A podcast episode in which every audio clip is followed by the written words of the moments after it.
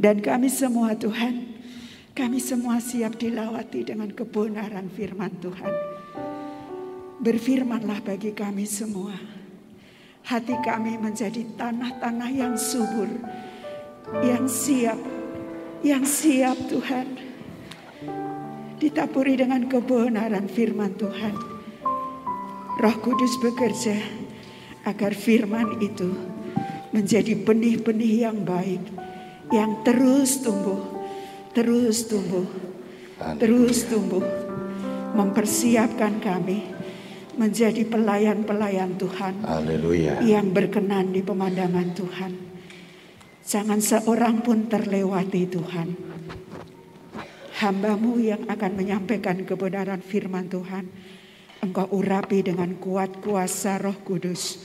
Apa yang disampaikan benar-benar berasal dari Tuhan dan itu membangun iman kami semuanya. Terima kasih Tuhan.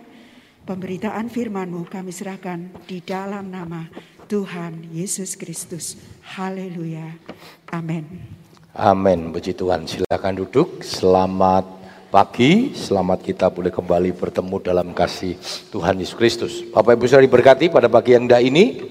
Amin. Hari ini kita memperingati hari Pentakosta di mana pada hari Pentakosta terjadi satu peristiwa turunnya Roh Kudus ya. Beberapa kali saya sudah sampaikan bahwa hari Pentakosta adalah hari perayaan jauh sebelum Tuhan Yesus naik ke surga. Ya, jadi orang Israel termasuk Pentakosta itu adalah satu hari perayaan besar. Ya, yang paling besar adalah Paskah memang karena itu peringatan bangsa Israel keluar dari tanah Mesir. Lalu ada hari Pentakosta, ada hari raya Grafirat besar, ada hari raya Pondok Daun dan sebagainya. Dan pada waktu peristiwa eh, pada hari Pentakosta terjadi peristiwa turunnya Roh Kudus di loteng Yerusalem. Sehingga kita memperingati hari Pentakosta sebagai hari turunnya Roh Kudus. Kenapa? Karena ini penting bagi gereja. Karena ketika di loteng Yerusalem turunnya Roh Kudus itu adalah lahirnya gereja mula-mula atau pentabisan gereja. Dari loteng Yerusalem itulah akhirnya berita Injil disampaikan sampai ke seluruh muka bumi. Ya, dikatakan kamu akan menerima kuasa kalau Roh Kudus turun ke atas kamu dan kamu akan menjadi saksiku Yerusalem, Yudea, Samaria sampai ke seluruh ujung bumi. Dan sampailah di Indonesia sudah ya. Tahun 21 gereja Pantekosta sudah ya. Tapi kalau gereja-gereja aliran Protestan sudah jauh ya kira-kira tahun 1400 1600 ya. Itu ketika bersama-sama dengan VOC ya kalau kita melihat sejarah ya sejarah bagaimana uh, apa namanya Indonesia akhirnya dijajah. Tetapi ada misi Tuhan yang Tuhan berikan dalam hidup kita. Puji Tuhan. Nah firman Tuhan pada pagi indah ini temanya adalah ini aku utuslah aku. Matius 28 ayat 19 sampai 20 Matius 28 ayat 19 hingga 20 ini dikenal juga dengan amanat agung atau mandat agung. Mari kita bangkit berdiri, kita akan membaca ayat ini bersama-sama. Matius 28 ayat 19 hingga yang ke-20. Kita akan baca bersama-sama. Dua, tiga.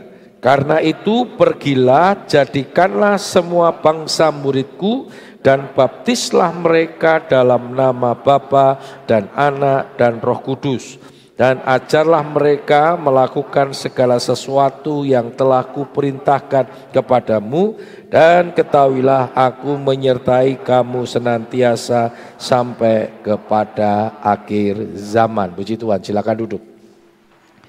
Ya, ya kita lihat bersama-sama ini adalah amanat agung sebelum Yesus naik ke surga. Jadi amanat agung bukan hanya Matius 28 tetapi ada di kitab Markus 16 Saudara ya. Lalu kisah 1 ayat 8 itu adalah pesan amanat sebelum Tuhan Yesus naik ke surga. Dan salah satu amanat yang diberikan oleh Tuhan adalah di dalam Matius 28 ini di mana uh, setiap kita diminta untuk memberitakan Injil ya. Uh, ini aku teruslah aku itu ada juga di dalam Yesaya 6 ayat yang ke-8 ya. Ketika Tuhan akan menugaskan uh, Yesaya ya untuk menjadi pemberita Injil pada waktu itu Yesaya berkata, aku ini najis bibir, aku nggak layak. Memang nggak ada yang layak, saudara. Kalau nanti kita eh, melihat tokoh-tokoh Alkitab, ya, tokoh-tokoh Alkitab ketika diminta oleh Tuhan, termasuk Musa, ya, waktu Tuhan minta Musa, Musa berkata, aku ini tidak fasih lidah. Sudahlah suruh kakakku Harun, dia lebih jago, dia lebih fasih lidah, saudara. Saudara, Tuhan pakai kita bukan karena kita hebat. Tuhan pakai kita karena Tuhan mau. Kita memberikan hidup kita kepada Tuhan.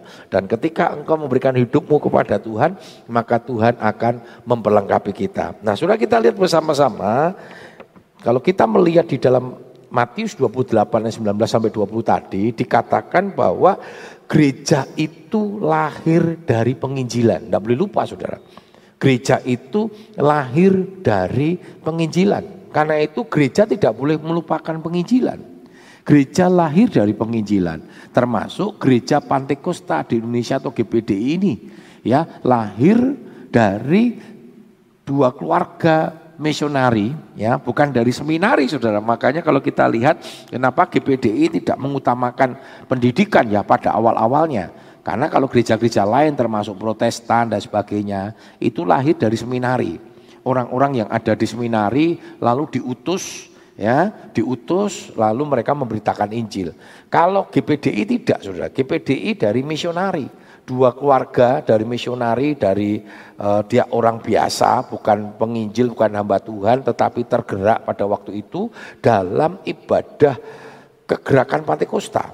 Ya, di Saitol Saudara ya, ada ada beberapa beberapa beberapa apa namanya? beberapa gerakan Pantekosta.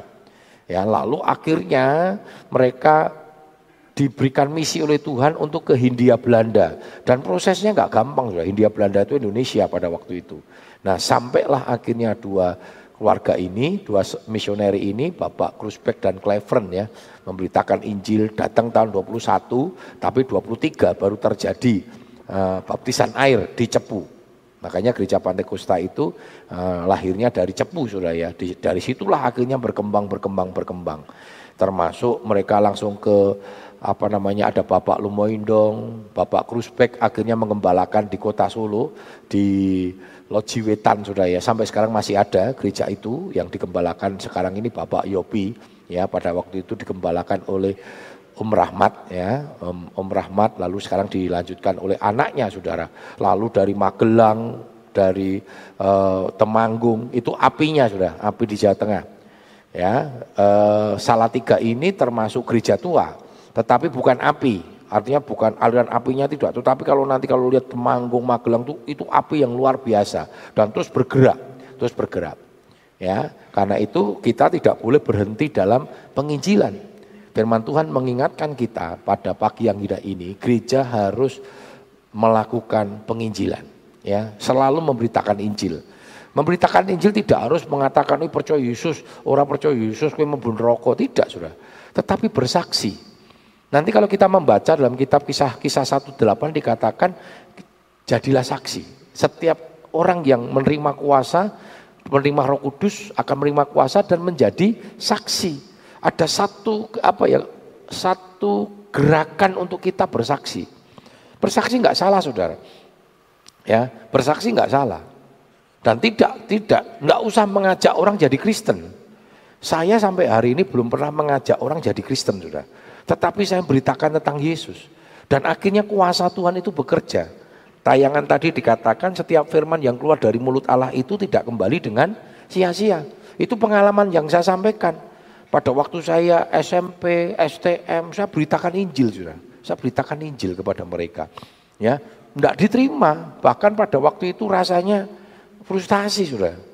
Ya, pertama kelas 1 10 orang, yang uh, kalau Kristen banyak saudara. Kristen banyak. Tetapi yang cinta Tuhan 10 orang. Kelas 2 tinggal dua. Kelas 3 entek saudara.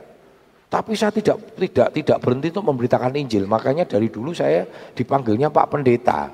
Ah pendeta, pendeta. Bahkan kalau pas di kantin saudara, karena saya senang beritakan Injil. Begitu saya datang buyar kabeh. Ya, mereka buyar semua karena memberitakan Injil, bersaksi itu tidak ada kesalahan, sudah. Saya tidak tidak bisa ditangkap kecuali saya berkata, "Ayo jadi wong Kristen." Nah, itu saya mengkristenisasi. Ya, tetapi ketika kita bersaksi hanya berkata Yesus itu baik, Yesus tolong kita karena itu percaya sama Yesus, ya, hidupmu akan diberkati, ya. Sangat sederhana sekali, Saudara. Dan saya bersyukur Saudara, ternyata firman itu bertumbuhnya nanti. Ya. Tetapi tugas kita cuma satu, Saudara. Paulus berkata, Apolos menanam, ya, Petrus uh, apa namanya menyiram dan sebagainya. Tetapi yang menumbuhkan siapa sudah? Tuhan. Saya tidak pernah bisa memenangkan jiwa sebenarnya. Tetapi Tuhan yang memenangkan jiwa. Tugas saya apa? Menyampaikan berita. Coba kita lihat sama-sama di dalam 1 Petrus 2 ayat 9 hingga yang ke-10. 1 Petrus 2 ayat 9 dan 10 demikian firman Tuhan. Tetapi kamulah bangsa yang terpilih, imamat yang rajani, bangsa yang kudus, umat kemuliaan Allah sendiri, supaya kamu memberitakan perbuatan-perbuatan yang besar dari Dia yang telah memanggil kamu keluar dari kegelapan kepada terang, terangnya yang ajaib. Kamu yang dahulu bukan umat Allah, tetapi yang sekarang telah menjadi umatnya, yang dahulu tidak dikasih ini, dikasihani, tetapi yang sekarang telah beroleh belas kasihan. Iya. Perhatikan saudara, kalau kita ada sampai hari ini, saya kira percaya bukan karena kebaikan kita.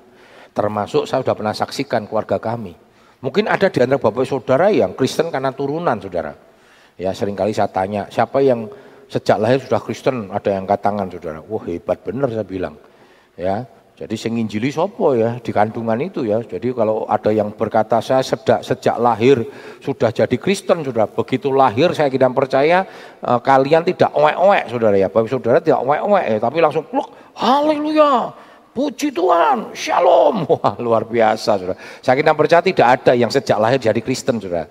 Tetapi saudara dilahirkan dari keluarga Kristen, ya, sehingga lalu dibawa oleh orang tuanya, ya dari sejak kandungan didoakan lalu lahir diserahkan sama Tuhan disu diajak ke gereja sekolah minggu. Ya bersyukur saudara.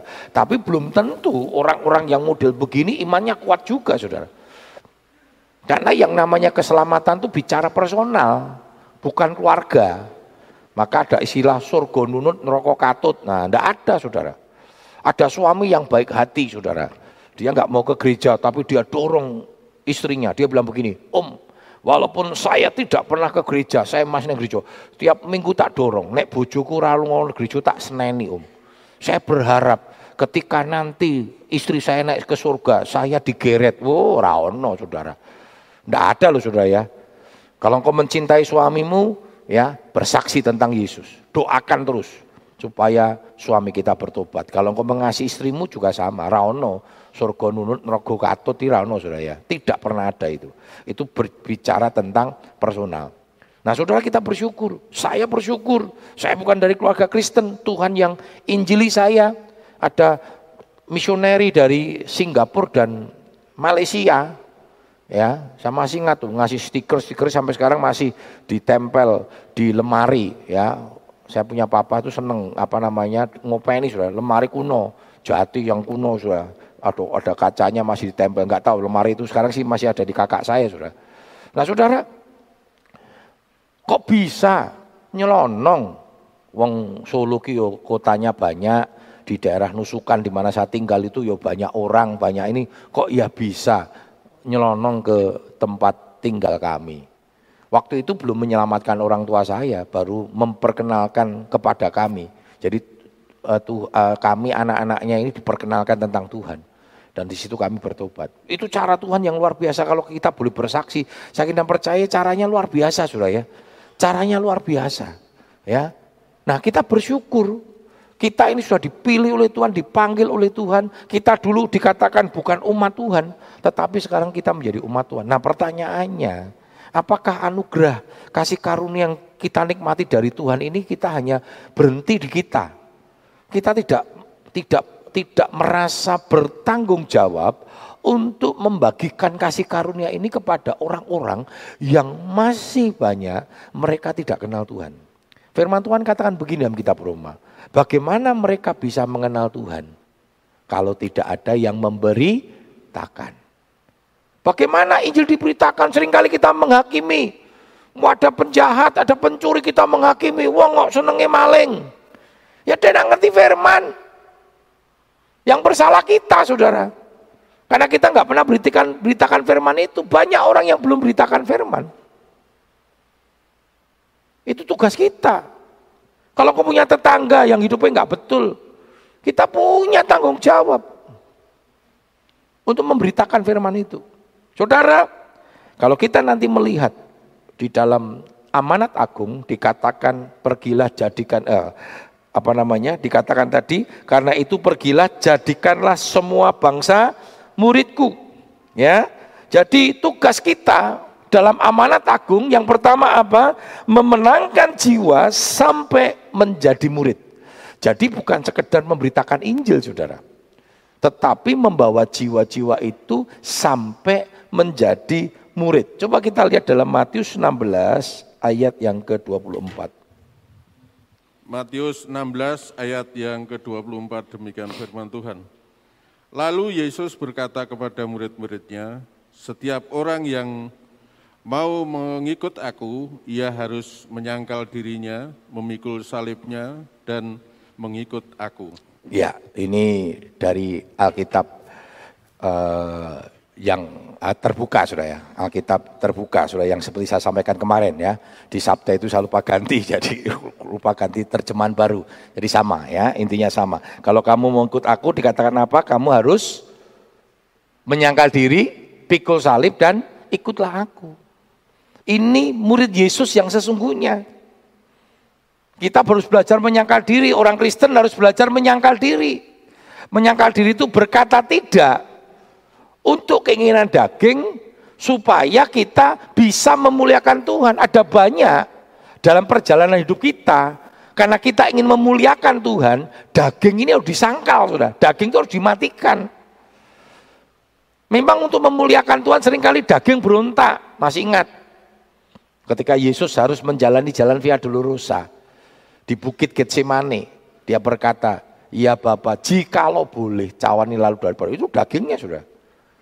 Ya, dia tahu jalan via dolorosa bukan mudah.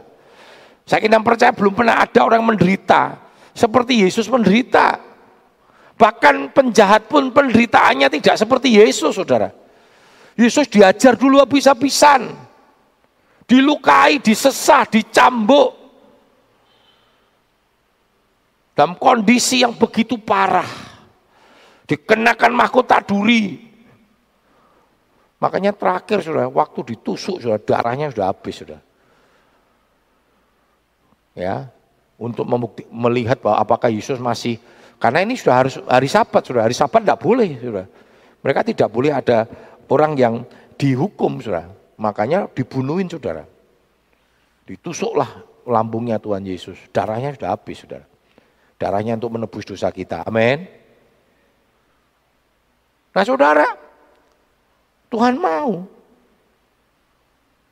Kita ini bukan sekedar memberitakan Injil, tetapi kita rindu setiap kita sampai kepada menjadi murid Tuhan. Murid itu artinya pengikut Yesus. Kalau mau ngikut Yesus dikatakan menyangkal diri, pikul salib. Pikul salib itu bicara penderitaan. Tetapi penderitaan yang Tuhan berikan. Jangan golek salib dewe saudara. Berapa banyak penderitaan-penderitaan yang kita alami karena kita cari masalah. Cari salib itu sendiri, jangan. Tuhan tahu ukuran kekuatan kita, maka pencobaan-pencobaan yang kamu alami tidak akan melebihi kekuatan kamu. Artinya Tuhan ngerti. Jangan takut kan? Bahkan dikatakan penderitaan karena nama Tuhan itu dikatakan kasih karunia. Kenapa? Kalau Tuhan izinkan kita menderita karena namanya, maka kita akan melihat kasih karunia Tuhan. Kita akan melihat satu perkara-perkara yang luar biasa. Tokoh-tokoh iman, kesaksian hidup mereka menunjukkan kepada kita bahwa penderitaan-penderitaan yang mereka alami itu berakhir kepada satu keindahan. Satu hal yang luar biasa. Maka juga dikatakan ya, penderitaan-penderitaan yang kamu alami tidak sebanding dengan kemuliaan yang akan kita nikmati. Tidak sekedar kemuliaan nanti, sudah. Kadang di dunia pun kita menikmati itu. Ya, karena itu tugas kita, saudara. Menangkan jiwa, bersaksi, Ya, jadi tidak ada alasan aku tidak bisa penginjilan nih, orang apal ayat. Orang usah nganggo ayat saudara. Oh, sudah kasih ayat juga mereka tidak percaya, mereka urung urung ngerti Alkitab kok. Ada tertulis, wah saudara, orang mudeng saudara. Kitab Yesaya, Yesaya ki apa ya? Tidak usah saudara. Oh penginjilan oh, ngek ayat. Di dalam kitab Mazmur, nah, Mazmur mungkin mereka tahu sudah ya. Di dalam kitab Yudas, waduh apalagi mereka tahu Yudas. Ah, Yudas ini kan pengkhianat Yesus kok ono Yudas, kitab Yudas. Oh, padahal Yudas itu beda dengan Yudas Iskariot saudara. Tapi beritakan aja firman bahwa Yesus itu mengasihi, beritakan Injil. Yesus itu mengasihi kesaksian saja. Pada waktu masa krisis tahun 98 saudara, terjadi kerusuhan di kota Solo. Nah itu memang kondisinya sedang krisis saudara ya. Waduh krisis, dolar naik. Itu kami belum lama menikah saudara. Ya, biasanya satu sewu nek belanja neng supermarket itu sak kresek gede dapat saudara. Kan itu naiknya luar biasa saudara ya.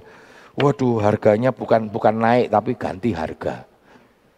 Ya, saya naik belanja wis orang deloi tidak liatin merek. Ya, wong itu baru menikah awal perintisan awal sudah ya. Jadi nek belanja tidak liatin merek tapi liatin rego. Ya, sabun rasa sing merek-merek rasa nganggo look sing lik ora apa-apa, sing penting murah ya. Nek look untuk siji, nek lik untuk sepuluh, wah sudah. Ora no lerak saudara ya dipakai saudara ya. Mungkin sudah ngalami ya tahun 98 ya, tapi mungkin sudah tidak ngalami seperti saya ngalami sudah. i biasanya Indomie, ah serausa mie duo. Siji untuk loro kan mie duo kan mie duo saudara. Tuku siji untuk loro, wah luar biasa. Ya, saya mangane sih kuat-kuatnya sudah bersyukur saya punya istri mangane sedikit saudara. Jadi jatahnya Bu Ika selalu saya ambil saudara ya.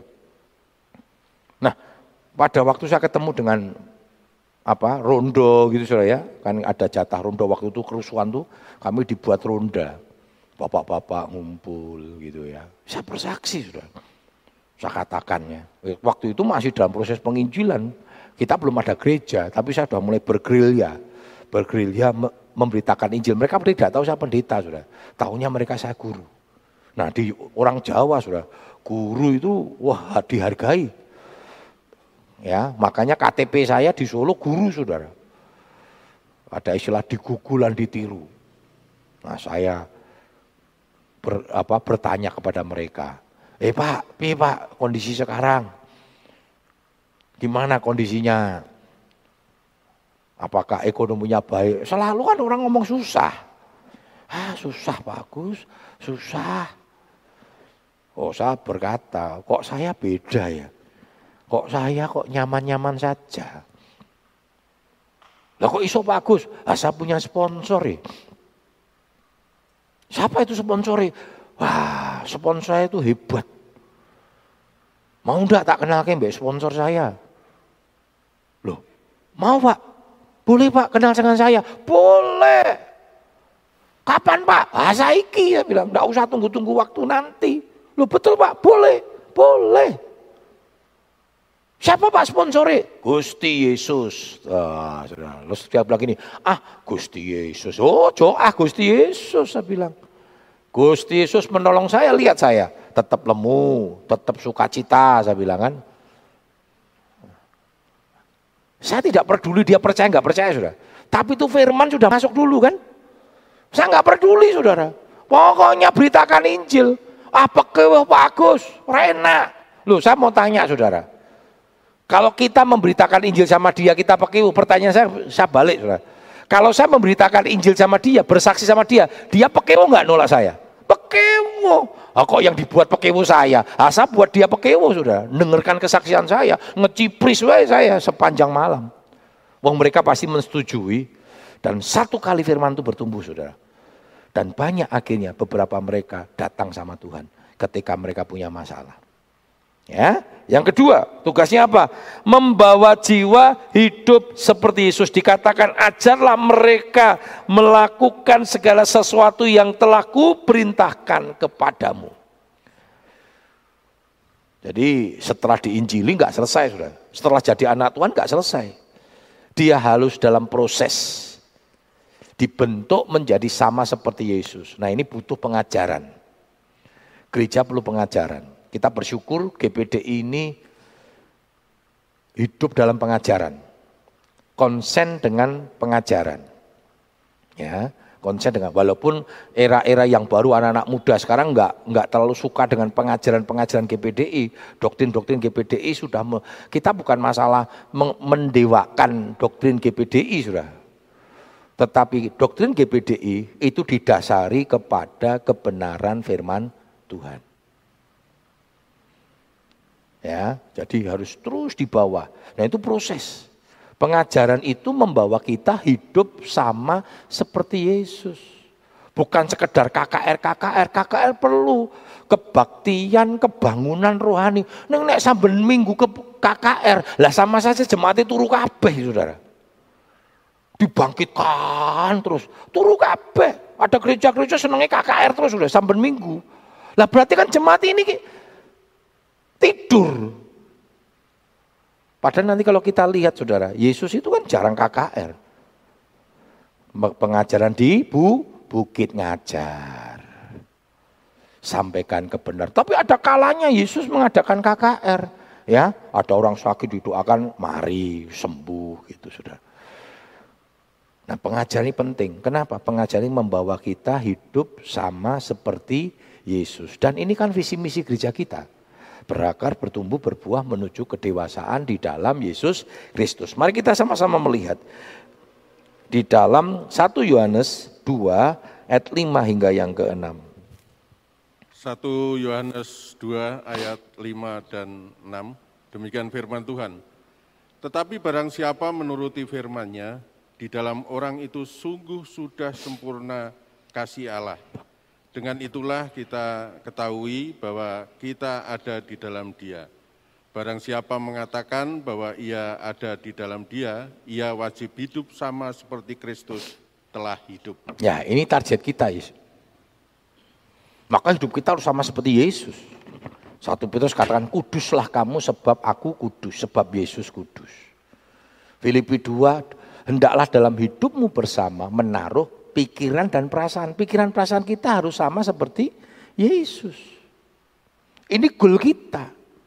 Ini target kita. Firman Tuhan katakan kalau kita saat ini sedang bercermin, samar-samar kita melihat Yesus. Hidup kita harus memiliki standar seperti Yesus. Dan kita harus menuju ke sana, saudara. Maka selalu saya katakan sama bayi saudara ya, kalau kita menghadapi sesuatu, saudara, tekanan, penderitaan gitu. Coba cek dan dicek begini. Saya sering kali begitu sudah. Kalau saya menghadapi masalah, kira-kira Tuhan Yesus kalau menghadapi masalah gimana ya? Apa dia frustasi ya? Karena Yesus sudah pernah diberhadapkan dengan satu persoalan yang sangat besar sudah, yaitu jalan via dulu Rusato dihadapi itu. Dihadapi sampai akhir.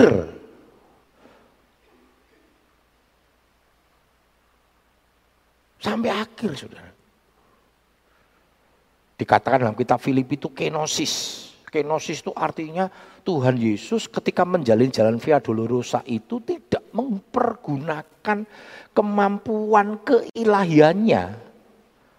Yesus bisa, saudara ini kan nggak gampang. Saudara kalau dianiaya meneng tok itu kan bukan karena saudara tidak mau balas sebenarnya.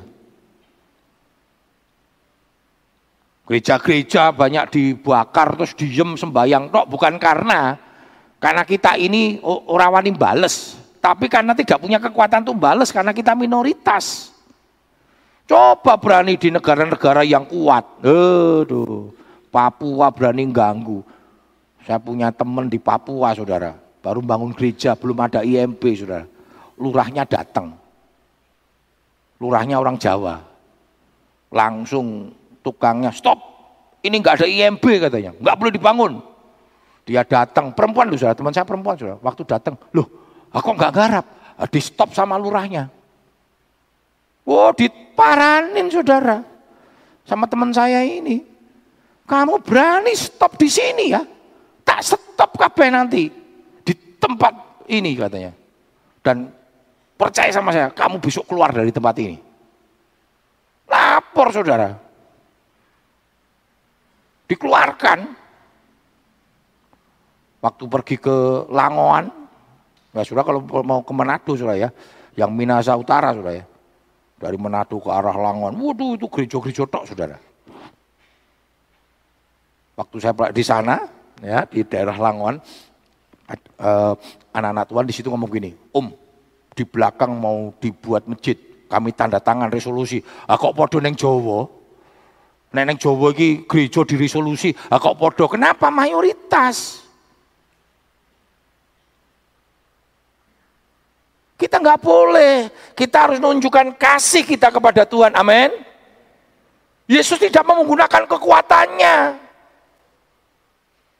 Yesus tidak menggunakan kuasanya, saudara.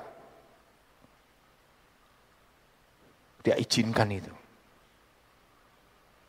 Maka dikatakan oleh dalam kitab Filipi dia mati dalam manusianya. Walaupun dia punya kekuatan untuk melepaskan diri. Tapi dia mau belajar taat kepada Tuhan. Maka Filipi katakan dalam ketaatannya. Dia tidak menganggap keberadaannya sebagai Allah gitu ya. Untuk sesuatu yang harus dipertahankan. Sebab kalau itu terjadi Kayak saudara dan saya nggak selamat. Yang terakhir saudara. Jadi amanat agung itu Tuhan kasih amanat tapi Tuhan bertanggung jawab. Apa itu? Janjinya penyertaan sampai akhir zaman. Coba kita lihat dalam Matius 28 19 uh, ayat 20 ya. Maaf. Matius 28 ayat 20. Matius 28 ayat 19 dan 20. Yang 20 aja. Ayat 20. Dan ajarlah mereka melakukan segala sesuatu yang telah kuperintahkan kepadamu, dan ketahuilah aku menyertai kamu senantiasa sampai pada akhir zaman. Dikatakan menyertai sampai akhir zaman. Jadi jangan takut saudara. Ada penyertaan yang Tuhan kerjakan dalam hidup kita. Satu mari Hari Pentakosta bukan hanya kita peringati, di situlah lahirnya gereja. Dan gereja harus menyatakan dirinya, gereja harus bersinar. Gereja tidak bicara mengkristenisasi. Saya tidak per, tidak terlalu bangga waktu berkata orang Kristen banyak, orang Kristen oke, tapi kalau tidak hidup sama seperti Yesus buat apa? Karena misi Tuhan tidak mengkristenkan. Misi Tuhan adalah membawa keselamatan. Amin. Dan keselamatan hanya ada di dalam Yesus Kristus. Yohanes 14 ayat yang ke-6. Percaya kepada Tuhan. Itu yang harus kita beritakan saudara. Tidak mengkristenkan. Tidak perlu dibawa ke gereja. Yang penting percaya sama Tuhan. Nanti kalau roh itu bekerja dalam hidupnya saudara. Dia akan punya kerinduan. Saya selalu begitu saudara. Saya nggak pernah ajak ke gereja kok. Di kota Solo memenangkan ada banyak jiwa-jiwa orang-orang tua sesepuh-sesepuh dimenangkan. Saya nggak pernah bawa ke gereja. Beritakan Injil, beritakan Injil tentang Yesus, kita saksikan, saksikan sampai akhirnya dia bertobat, ya mau menerima Yesus. Saya biarkan saja. Cuma akhirnya mereka yang ngomong di Pak Agus boleh nggak saya ke gereja? Ayo silahkan. Makanya pernah ada yang waktu mau dibaptis, wah orang-orang kampung tanya, Pak jenengan kok dibaptis dari wong Kristen, saya ngongkon sopo. Oh. Bab begitu dia berkata saya ngongkon Pak Agus, saya kena saudara. Tapi dia berkata, ora, iki karepku dewi. Karena Tuhan sudah berkarya dalam hidupnya. Luar biasa saudara. Jadi jangan takut. Yang salah mengkristenkan nggak boleh. Mengkristenkan sudah ditangkap sudah. Kita tidak mengkristen, tapi kita sampaikan tentang kebenaran. Itu saja sudah. Sampaikan tentang kebenaran yaitu tidak ada satu nama lain di kolong langit ini yang olehnya dia diselamatkan selain nama Tuhan Yesus Kristus. Puji Tuhan. Ya. Kematiannya sudah menyelamatkan kita. Dan berita ini harus disampaikan. Bukan untuk mengkristenkan, tetapi berita tentang keselamatan. Ya, dengan segenap hati, dengan segenap jiwa, dengan kekuatanku, ku sembah kau Tuhan. Jikalau pada pagi yang indah ini, kebenaran firmanmu sudah disampaikan bagi kami. Kami boleh ada karena engkau mengasihi kami. Ada banyak orang-orang Tuhan utus untuk memberitakan Injil bagi kami, bersaksi bagi kami. Haleluya. Karena itu kami tidak mau berhenti kasih karunia itu hanya di tempat kami. Kami rindu, kami juga ingin membagikan berita ini, bersaksi kepada banyak orang. Sehingga banyak orang boleh menerima Tuhan. Engkau sudah mati bagi kami, darahmu menyucikan kami. Karena itu kami akan memperingati pada pagi yang indah ini. Kuduskan, sucikan kami, layakan kami, sehingga perjamuan yang kudus boleh menjadi berkat bagi kami sekalian. Nama Tuhan dipermuliakan. Amin. Kami akan menikmati berkatmu, perjamuan yang kudus, hanya dalam satu nama, yaitu di dalam nama Tuhan Yesus Kristus kami sudah berdoa. Haleluya. Amin.